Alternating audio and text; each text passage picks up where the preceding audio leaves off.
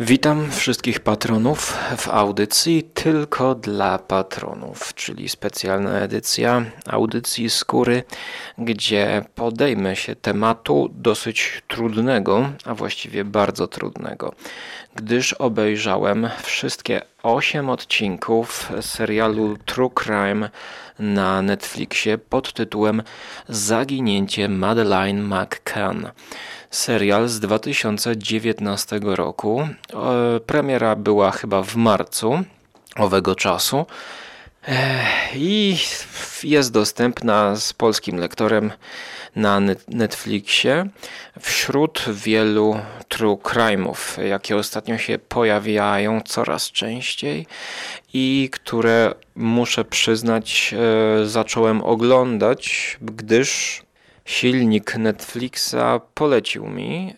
No i tak się zaczęło, że zacząłem oglądać ich może nie hurtowo, ale jakieś 5-6 długich seriali obejrzałem i w dzisiejszym odcinku mam taką ogólną um, opinię na temat true crime i połączymy ją z taką anegdotą e, prywatną, e, gdyż byłem ostatnio świadkiem e, dziwnego zajścia na ulicy. Ale zanim zaczniemy, to jeszcze ogłoszenie, że otwarłem e, Patronite dla Żarłok TV, gdzie jest dostęp przedpremierowy do odcinków, a także do bonusowych odcinków wideo na Żarłok TV, e, rozszerzonych odcinków. Będę próbował no, jakoś na tym e, zarobić, więc koncepcja jest taka, że odcinki, na przykład odcinek z Sosnowca w całości będzie trwał 20 minut do patronów, a montaż dla ogólnodostępny będzie e, z opóźnieniem i będzie skrócony do 5 minut albo do 7 minut, tak na oko, gdyż po prostu obecnie algorytmy YouTube'a działają tak jak działają i 7-minutowy odcinek lepiej się rozejdzie i zbierze może nowych widzów lepiej niż 22-minutowa kobyła. Więc e, takie rzeczy dla patronów. Dodatkowo dla patronów będzie audycja Radio Żarłok, przedpremierowe odcinki plus jeden bonusowy odcinek tylko dla patronów. Natomiast teraz e, przechodzę w tym odcinku do e, meritum, do sedna.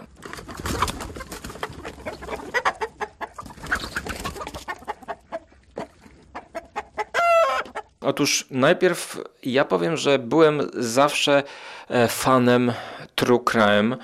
E, fanem pod takim kątem, że bardzo mnie to wciągało od najmłodszych lat. Pamiętam, jak chodziłem do mojego mm, dziadka, zwanego dziadziusiem, e, dziadek Grzegorz, gdzie on lubił właśnie oglądać Discovery.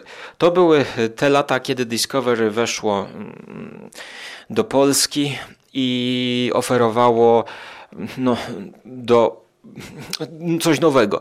Oferowało więcej dokumentów z różnej dziedziny. E, to były czasy, kiedy jeszcze nie było tego Discovery Crime, czy Discovery Investigation, gdzie tam 24 godziny na dobę leci True Crime. E, no, ale na zwykłym Discovery też coś dało się takiego obejrzeć, oczywiście w późnych godzinach wieczornych. No i ja się podłączałem i oglądałem. Fascynowało mnie to, gdyż było to jakoś związane z horrorem. Ostatnimi czasy wróciłem do tego gatunku trochę przez chyba e, serial killer Teda Bandiego. Ale tak naprawdę to wróciłem jeszcze wcześniej przez pierwszy sezon e, tego serialu Murderer, kurczę, o człowieku, który był niepoprawnie skazany. Making a Murderer to się nazywało. O człowieku niesłusznie, najprawdopodobniej niesłusznie skazanym, który siedzi wiele lat w więzieniu. E, serial chyba 10 odcinków pierwszy sezon, potem powstał drugi. Ja tego drugiego jeszcze nie oglądałem. No i on był dla mnie szokujący i właściwie przypomniał mi o czymś takim jak True Crime. E, głównie tamten serial zwracał uwagę na to, że e, sądy popełniają błędy w Ameryce i właśnie Avery, główny bohater tego programu, e, jest pokazany jako ofiara tamtego systemu. No i jego przejścia chyba 10-15-letnie i walka z sądami, żeby go uniewinnić i żeby wyszedł z więzienia. Oczywiście tego typu sprawy, żeby rozsądzić, czy on jest winny, czy niewinny, są trudne, skoro siedzi w więzieniu. No, aczkolwiek w tym przypadku wydaje się, że jest to rzeczywiście ewidentne, że facet siedzi niesłusznie skazany. Jednakże w tamtym serialu wyjątkowe było to, że pokazywał właśnie walkę z systemem. Nie skupiał się na pokazywaniu makabry, na zniszczeniu. Nie był to taki true crime eksploatacyjny, jakby można go nazwać e, w kontekście filmów Grindhouse czy eksploatacyjnego kina, ale był właśnie takim swoistym kryminałem sądowniczym, e, pokazującym zawiłości systemu i niesprawiedliwości.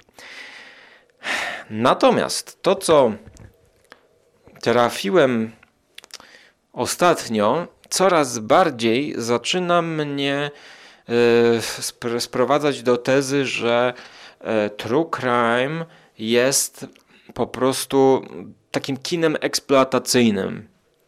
Jest jakimś thrillerem dla ubogich, albo horrorem może nawet, gdyż serwuje makabrę prawdziwą, szokującą, pokazuje coraz to wydziwne, bardziej obce, niespotykane zbrodnie na, na różną skalę, większą skalę. Czym bardziej dziwny morderca, to tym ciekawszy odcinek może być. E, na przykład podam tutaj e, przykład filmu, który ma zaskakujący tytuł e, Don't Fuck with Kittens, nie zadzieraj z kotkami. Cztero odcinkowy serial e, pokazujący historię bardzo no, przerażającego mordercy, który najpierw maltretował koty, a potem zaczął mordować. Bardzo szokujący e, odcinek, e, który, znaczy serial, cztery chyba odcinki, w którym twórcy próbowali jakby odwrócić kota ogonem i oskarżyć widzów, że to oni oglądają ten serial i że to oni być może są w jakiś sposób spaczeni tym e, i, i że oni powodują popyt na takie produkcje. Jeśli chodzi o dzisiejszy odcinek, mm, to zaginięcie Madeline Zaginięcie Madeline, które e, miało miejsce w roku 2007, e, które każdy, no nawet w Polsce, mógł śledzić. E, w maju 2007 roku zaginęła córka małżeństwa lekarzy Kate i Gerego McCann. Madeline miała chyba 3 lata. Mm, było to w Portugalii. Oni wyjechali do Portugalii na wakacje. Siedzieli ze znajomymi w knajpce niedaleko hotelu i co 20 minut szli sprawdzić, czy z dziećmi wszystko jest w porządku. Niestety za którymś razem okazało się, że Madeline nie ma w łóżeczku. Mm, rodzina ma jeszcze dwoje bliźniaków. No i oni zaczęli szukać e, dziecka w Portugalii. Zaczęli e, kampanię medialną. E, koniec końców w Portugalii zostali tam chyba trzy miesiące i musieli wyjechać po trzech miesiącach z Portugalii, gdyż zaczęły się oskarżenia e, w stosunku do rodziców, że to być może oni sami uprowadzili Madeline. Wrócili z powrotem do Wielkiej Brytanii bez Madeline i tam zaczęli prowadzić dalej na odległość poszukiwania. No, oczywiście fundusze zbierali, zbierali też pewien milioner zauważył tą sprawę i chciał się zaangażować i ten milioner jakby się z nimi zjednoczył i obiecał pieniądze i rzeczywiście wynajmował biura detektywistyczne i chyba do dzisiaj w jakiś sposób z nimi e, współpracuje. No i ten, ten serial ma 8 odcinków. Obejrzałem je wszystkie. Jeśli chodzi o ocenę samego serialu, no to jest to, no, powiedziałbym tak, pierwsze trzy odcinki są zrobione bardzo e, emocjonalnie, napięcie dawkowane jest jak w dobrym thrillerze o zaginięciu e, w thrillerze typu Harlana Cobena, czy ostatnio czytam taką książkę e, Nory Roberts pod tytułem Search czyli y, poszukiwania, gdzie kobieta, główna bohaterka za pomocą psów tropi mm, zagubionych ludzi. Być może nagram o tym osobną audycję, bo to ciekawy przypadek thrillera napisanego przez autorkę romansów. No, ale w czwartym, piątym, szóstym, jakoś tak mniej więcej odcinku zaczyna yy, napięcie siadać i zaczynamy się wgryzać w różne powiązania, inne sprawy. E, wydaje mi się, że ten serial jest za długi, choć dosyć chyba rzetelnie relacjonuje całą tą sprawę, jaką ja na początku śledziłem, a potem już rzeczywiście ona mi wypadła z głowy i, i nie pamiętałem, czy ją w końcu znaleźli, czy nie znaleźli. No i oglądając to, od samego początku my nie wiemy, czy ta dziewczynka została odnaleziona. I nastawiamy się na tak zwane rozwiązanie zagadki, czy ona została znaleziona, czy nie znaleziona. I to jest takim gimmickiem, takim trikiem, który używają twórcy, żebyśmy zostali przed telewizorem. Bo ja naprawdę jakby czekałem na rozwiązanie tej zagadki. Rozwiązanie następuje w ósmym odcinku, gdzie okazuje się, że cały czas toczą się te poszukiwania i że Madeline nie została odnaleziona. No i właśnie, pokazano inne przypadki pozytywnych odszukań. Tutaj mam cytat z lektorem. To mężczyzna jest znanym przestępcą seksualnym.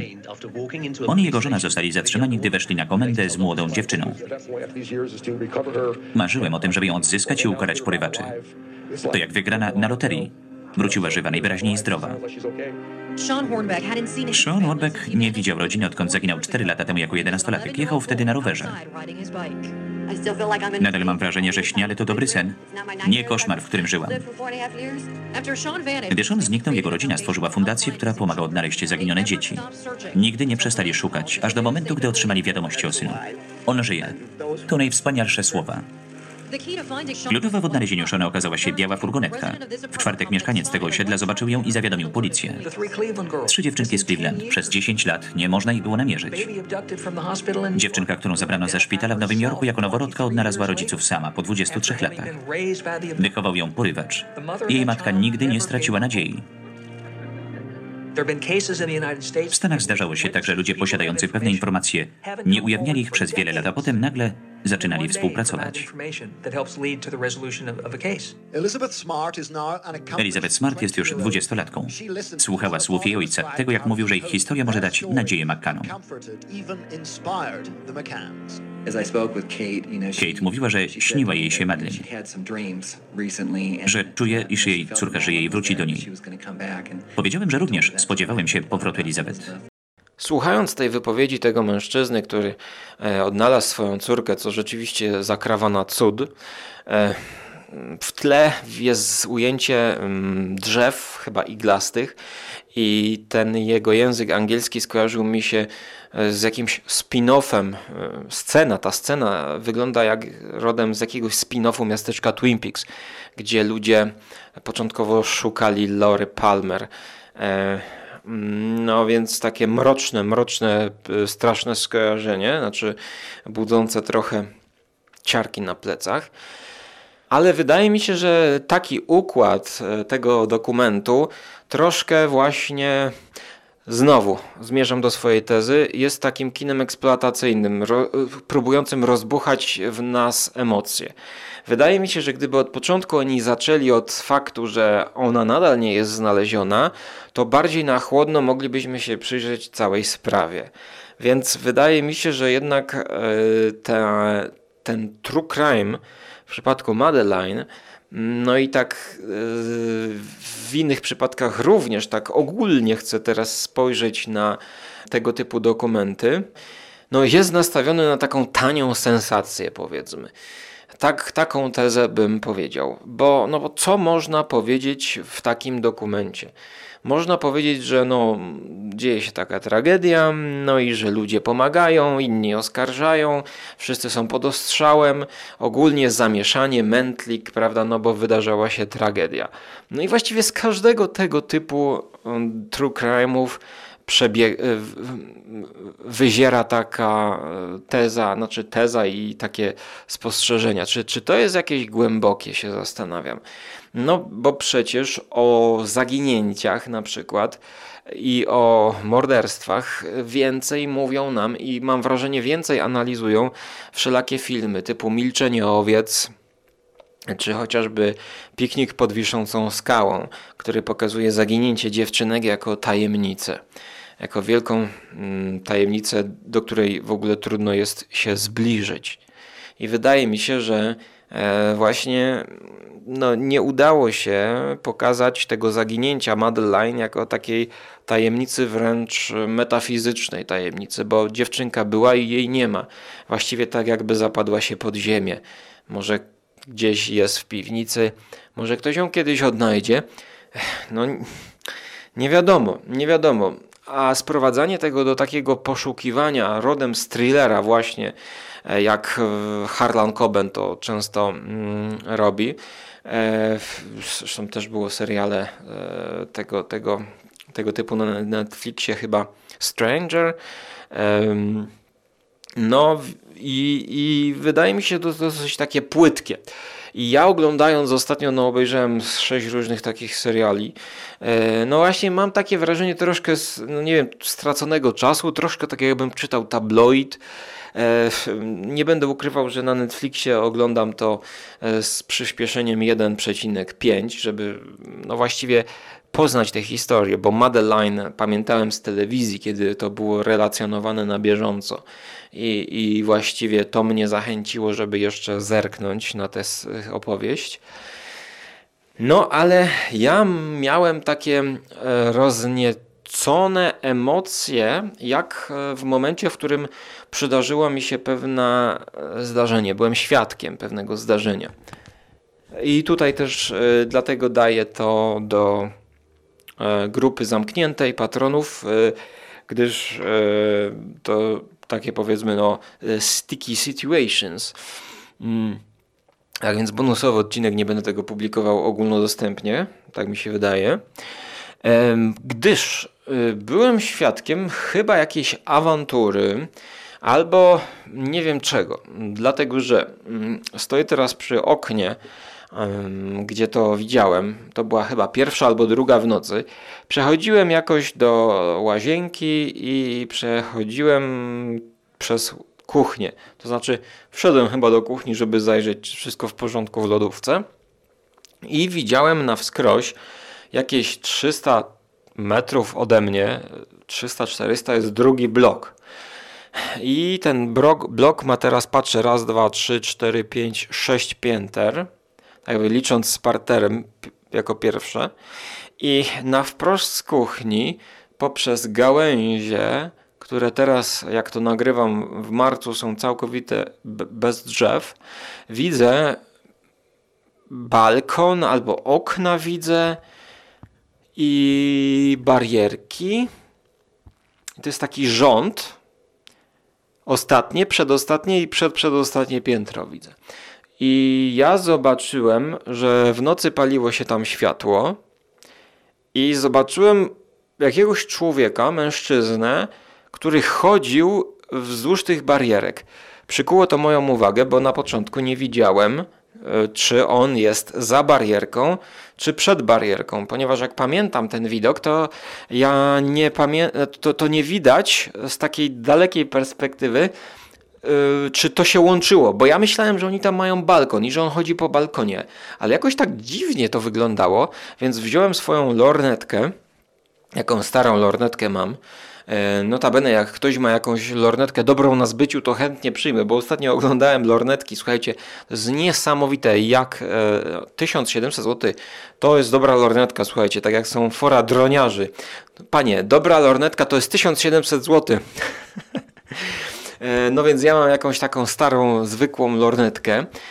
I jak spojrzałem, to aż mnie po prostu zaparło, e, aż mnie, o kurczę, no, no rzeczywiście coś jest nie tak. Ponieważ facet trzyma, bo w ogóle był w gaciach tak zwanych, trzymał się trzymał się tej barierki, którą ma nie na balkonie, tylko mają jest mieszkanie i to mieszkanie ma dwa duże okna, takie na całego człowieka, jak na balkon, e, które można uchylić od góry do sufitu, od sufitu do podłogi. Uchylasz to i widać pokój, i ten pokój łączy się z drugim pokojem. I też jest takie samo okno. Więc to jest taki, nie wiem jak to się e, nazywa oficjalnie, balkon, taka loggia chyba, e, czyli że otwierasz okno i od razu jest barierka. I ten facet wyszedł przez tą barierkę e, w gaciach takich krótkich spodenkach, mm, na golasa poza tym, i przechodził jakby wzdłuż tego. I pierwsze co ja zauważyłem, zacząłem się zastanawiać, czy ten facet coś, nie wiem, ucieka, czy tam się pali, bo jakby przechodził z jednego okna do drugiego. Po chwili zobaczyłem, że tam w tym pokoju jest jakaś kobieta i tam coś do niego mówi. No i pierwsze moje odczucia to były takie, że aha, to jest chyba jakiś facet, bo tam wiem, że dużo jest e, jakieś wynajmują czasami obcokrajowcy, pewnie jakiś Anglik się opił i, i chodzi, nie wiem, robią zawody, kto będzie lepszym Spidermanem i kto dalej dojdzie. Więc moje pierwsze odczucia było zdziwienie. Następnie ta kobieta weszła i ten facet jakby przeszedł i zachowywał się dziwnie, ponieważ on jakby zaglądał z perspektywy barierki do środka tego mieszkania, raz do tego okna, raz do tego i rozglądał się, gdzie ktoś jest. Tak jakby szukał, czy ktoś jest w domu.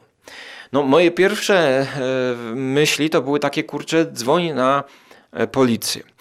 E, ale za chwilę, jeszcze zanim zorientowałem się, co się dzieje, zobaczyłem postać policjanta, ale właściwie nie policjanta, chyba kogoś ubranego na czerwono, w osobnym pionie. Czyli jak mamy, widzicie w oczach swojej wyobraźni te okna, które są kluczowe dla nas, to mamy teraz białą ścianę na odległość powiedzmy no, korytarza podejrzewam. I widać klatkę schodową e, na lewo w oknach, gdzie właśnie też z perspektywy klatki schodowej możesz podejść do okna i tam facet jakiś e, szukał, wyglądał w czerwonym stroju. Myślałem, że to był strażak. I rzeczywiście za chwilę zacząłem słyszeć e, jakieś e, syreny. Jechała straż pożarna, policja już tam chyba była. E, no, ale zastanawiałem się, dlaczego ta policja, czy, czy ta straż jest perspe w perspektywie tego korytarza. Czy oni nie mogą dostać się do mieszkania? No to, to już dla mnie w ogóle było dziwne, ponieważ w środku była jakaś kobieta, więc ta kobieta nie chciała wpuścić e, policji, pomocy, kogoś do środka. Nie wiem, zacząłem się zastanawiać, ale jak zauważyłem e, nieskoordynowane ruchy tego człowieka, to znaczy takie jak małpy trochę, on się jak małpa e, poruszał po tych klatkach schodowych, po tych barierkach. E, I nagle ten facet wszedł, jakby przeskoczył barierkę i wszedł do środka. No i zniknął, ale tam na zewnątrz jeszcze ludzie chodzili. Więc wyobrażam to sobie, że Okay, no to było jakieś tutaj starcie. E, nie wiem, co właściwie się wydarzyło, ale ktoś nie chciał wpuścić policji, a może ktoś uciekał tam przed policją i, i szukał tej policji, gdzie jest ta policja. Może to najpierw jego szukali, a on y, uciekał od policji. Nie mam pojęcia, teraz tylko mogę domniemać. I tak się zastanawiałem, ale no, emocje jakoś już mi tak podskoczyły, tak jakbym się przestraszył, tak jakby ktoś mi, nie wiem, walnął gdzieś z tyłu za plecami e, torebką papierową nagle i się przestraszyłem. E, poszedłem do łazienki, poszedłem do toalety, e, wysikałem się, załatwiłem. Ok, no myślę już wszystko jest ok. Tak, wracam, ale tak mnie jeszcze coś kusi. Kusi mnie, kusi mnie. Więc idę z powrotem do tego okna w kuchni, patrzę, znowu facet siedzi na tej barierce. Znowu facet siedzi na barierce, ale teraz sytuacja jest jeszcze bardziej dramatyczna, dlatego że kobieta, która tam w środku jest, jakaś taka z jasnymi włosami, yy, trzyma tego faceta i jest jakby taka szarpanina.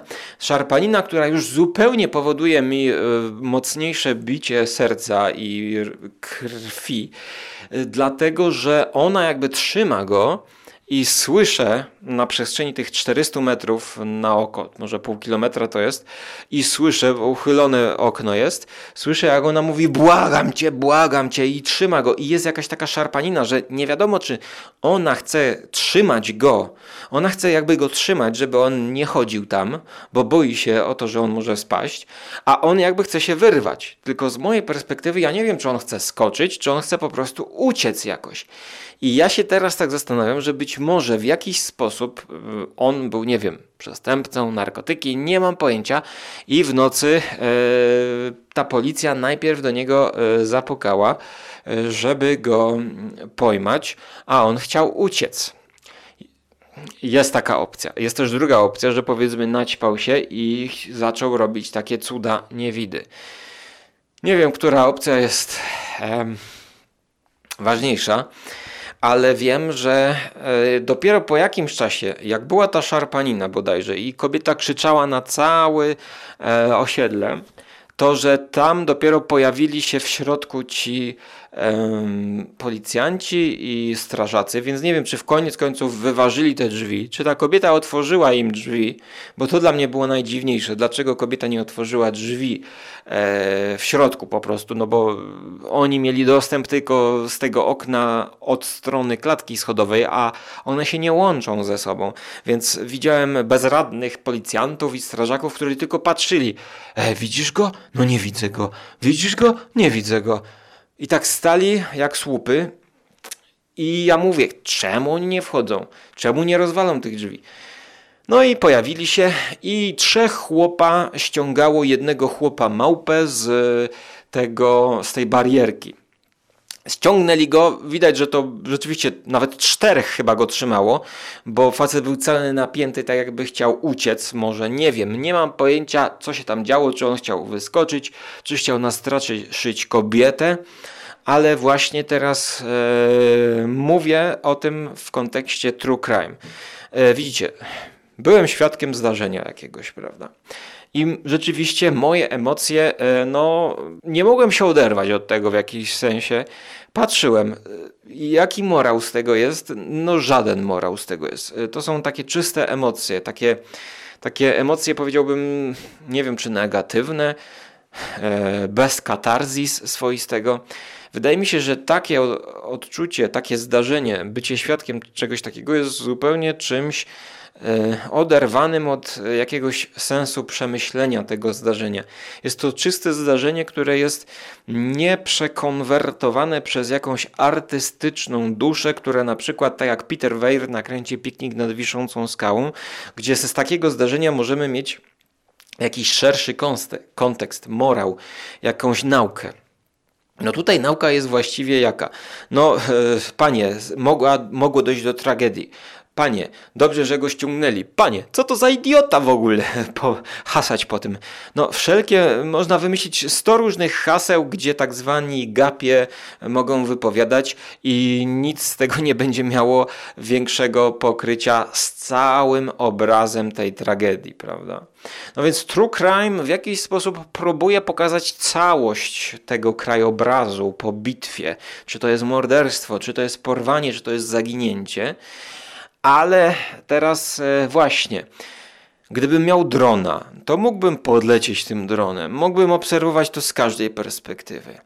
Powiem więcej, że jak oni go ściągnęli, to ja potem no już miałem tak emocje rozedrgane, że do trzeciej w nocy siedziałem z tą lornetką i patrzyłem się. I to, co widziałem, to widziałem w środku globus. Tak, zauważyłem, że jest globus obok łóżka.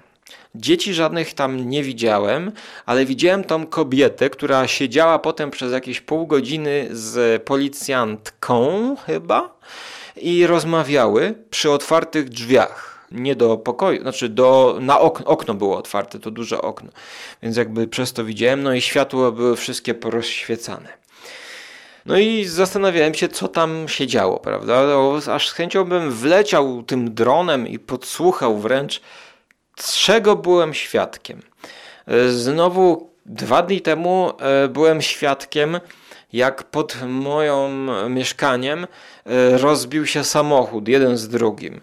E, zupełnie przypadkiem byłem świadkiem, ponieważ jakby mieszkam przy skrzyżowaniu i ogólnie dużo tutaj jest takich szumów i hałasów, ale akurat wychodziłem wyjrzeć przez okno, mm, zobaczyć jaka jest pogoda i słyszę bum i nagle widzę na taki trawniczek, jak wjeżdża biały samochód, rozbija barierkę i hamuje. No właściwie to było takie ruch na przestrzeni 5 metrów.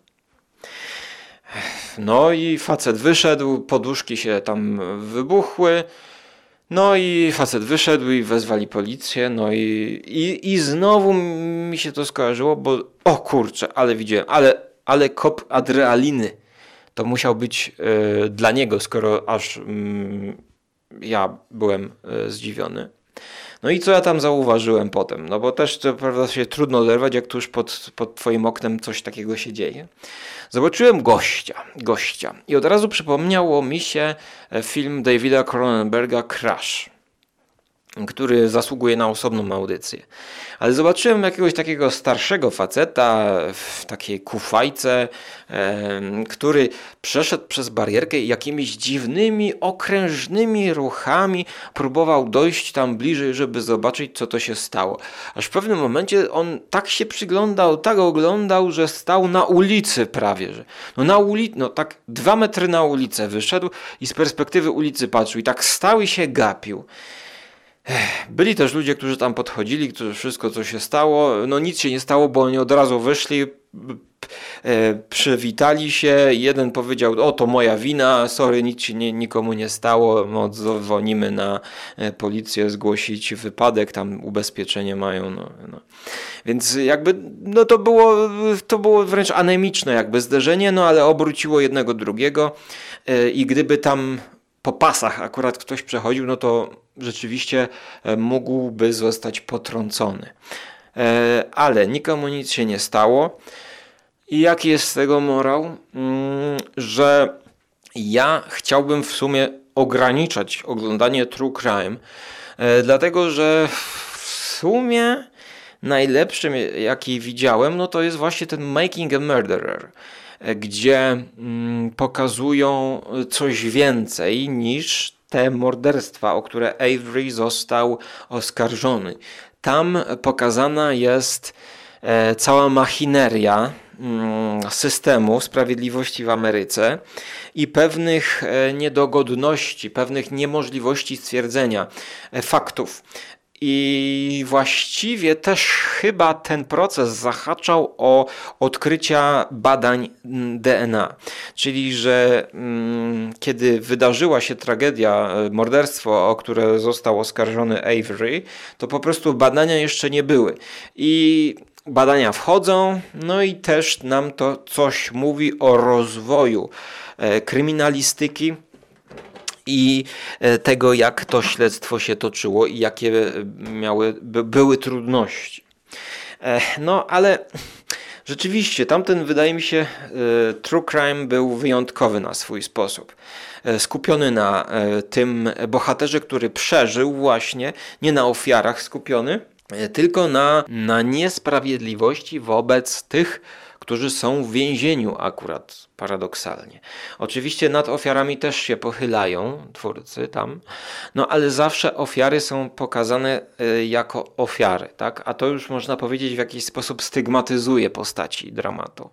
No bo mamy jakieś tam zbliżenia na zwłoki, odtwarzanie, jak to wszystko wyglądało. No, no to jest coś, co naznacza e, tych ludzi w jakiś sposób, e, nie chcę powiedzieć negatywny, no bo przecież one nie zawiniły, ale no, mm, czy każdy chciałby być pokazywany w filmach dokumentalnych w taki oto sposób? Czy może lepiej tak jak pokazywał to Kieślowski, prawda? E, z jakimś większym smakiem, uczuciem Kieślowski, na przykład głowy, gdzie po prostu zwykłe pytanie urasta do rangi e, podróży przez życie w tym krótkim, chyba 15-minutowym dokumencie. E, no i, i teraz właśnie, tu dokument i tutaj dokument. Kończąc ten odcinek, chciałbym powiedzieć właśnie, że ostatnio wszystkie True Crime oglądam na przyspieszeniu. E, właściwie chcę się przez to dowiedzieć, co się wydarzyło, i jeżeli zagadka jest ciekawa, to chciałbym, żeby to rozwiązanie było pozytywne, czyli że znaleziono mordercę albo odnaleziono kogoś, kto zaginął. W przypadku Madeline nie została ona odnaleziona i właściwie ja to już straciłem nadzieję, że to w jakiś sposób się ta dziewczynka odnajdzie. Chociaż tam w końcowych odcinkach jest pokazany chłopczyk i dziewczynka i w ogóle nawet kobieta, która była uprowadzona jako niemowlę i chyba po 18 latach ją odnaleziono. No to, to, to już jest w ogóle jakiś kosmos. Nie mam bladego pojęcia, jak to się stało. E, chyba e, przypadkiem E, złapano różnego rodzaju morderców, e, którzy byli też o coś innego oskarżani i przy okazji znaleziono u nich w samochodzie tam kogoś, czy, czy w piwnicy, czy w domu e, więzioną jakąś osobę.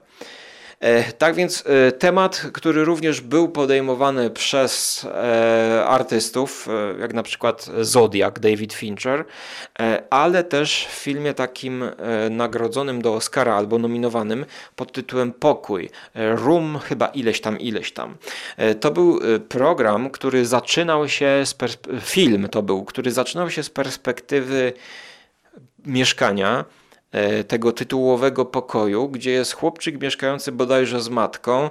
E, I to było chyba w konwencji science fiction na początku tam ten chłopczyk zaczyna chyba chorować i ta kobieta musi go wziąć na, na, na, na, dwór, na dwór, czyli poza ten pokój, żeby uratować mu życie i wtedy okazuje się i my się dowiadujemy, że oni żyją w normalnym świecie i że on jest w jakiś tam sposób więziony. E, no jest to e, ciekawy film, e, właśnie pokazujący nam e, różne zagadnienia, chociaż już dawno go oglądałem, kiedy była to premiera, no jakieś 5 lat temu, tak oceniam, nawet nie pamiętam tytułu. E, nie Room, tylko Room właśnie z 2015 roku e, w reżyserii Leny Abrahamson. Wygrał jednego Oscara, obecnie jest na 177 miejscu najlepszych filmów na IMDb. Opis jego to jest taki, że przez 7 lat był przechowywany w zamkniętej przestrzeni. Kobieta i jej syn wreszcie odzyskali wolność, pozwalając dziecku doświadczyć e, świata na zewnątrz e, za pierwszym razem. Czyli być może ten, ten chłopczyk był więziony wraz z matką. No dwie godziny film, już nie pamiętam. Room, 2015 rok. 6 na 10 widzę, że dałem, tak więc jeżeli właśnie miałbym coś polecać, to polecałbym Zamiast True Crime obejrzeć Room, obejrzeć Piknik pod wiszącą skałą Petera Wira, e, albo jeszcze obejrzeć e, różnego rodzaju filmy i seriale o poszukiwaniu, jak na przykład chyba Searching, był taki serial brytyjski, który kiedyś na konglomeracie recenzowałem. No i taka jest moja teza. E, z chęcią posłucham, czy się z tym zgadzacie, czy nie. No na pewno tutaj jest duże pole do dyskusji, e, gdyż nie oglądałem wszystkich true crime'ów, e, ale kiedyś mocno w tym siedziałem, jeśli chodzi o Discovery. No i Mindhunter też chyba kiedyś recenzowałem. Teraz właściwie pojawiają się już na Netflixie takie zapisy rozmów Conversations with Murderers. Takie coś widziałem, ale jeszcze nie oglądałem. Ale no zobaczę to, jak to wygląda w kontekście Mindhuntera. No, a Wam już dziękuję za uwagę, dziękuję za wsparcie. No i do usłyszenia w przyszłości, bądź do zobaczenia na Żarłok TV. No i pamiętajcie, że też słyszymy się na Radiu Żarłok. Radio Żarłok ostatnio wrzuciłem na Spotify'a, więc e, możecie dać mi tam obserwuj, e, subskrybera na Spotify'u, nie wiem, albo na iTunesie też powinno być. E, może jakoś statystyki to polepszy. Tyle na dzisiaj ode mnie. Dziękuję. Do usłyszenia. Wszystkiego dobrego. Cześć.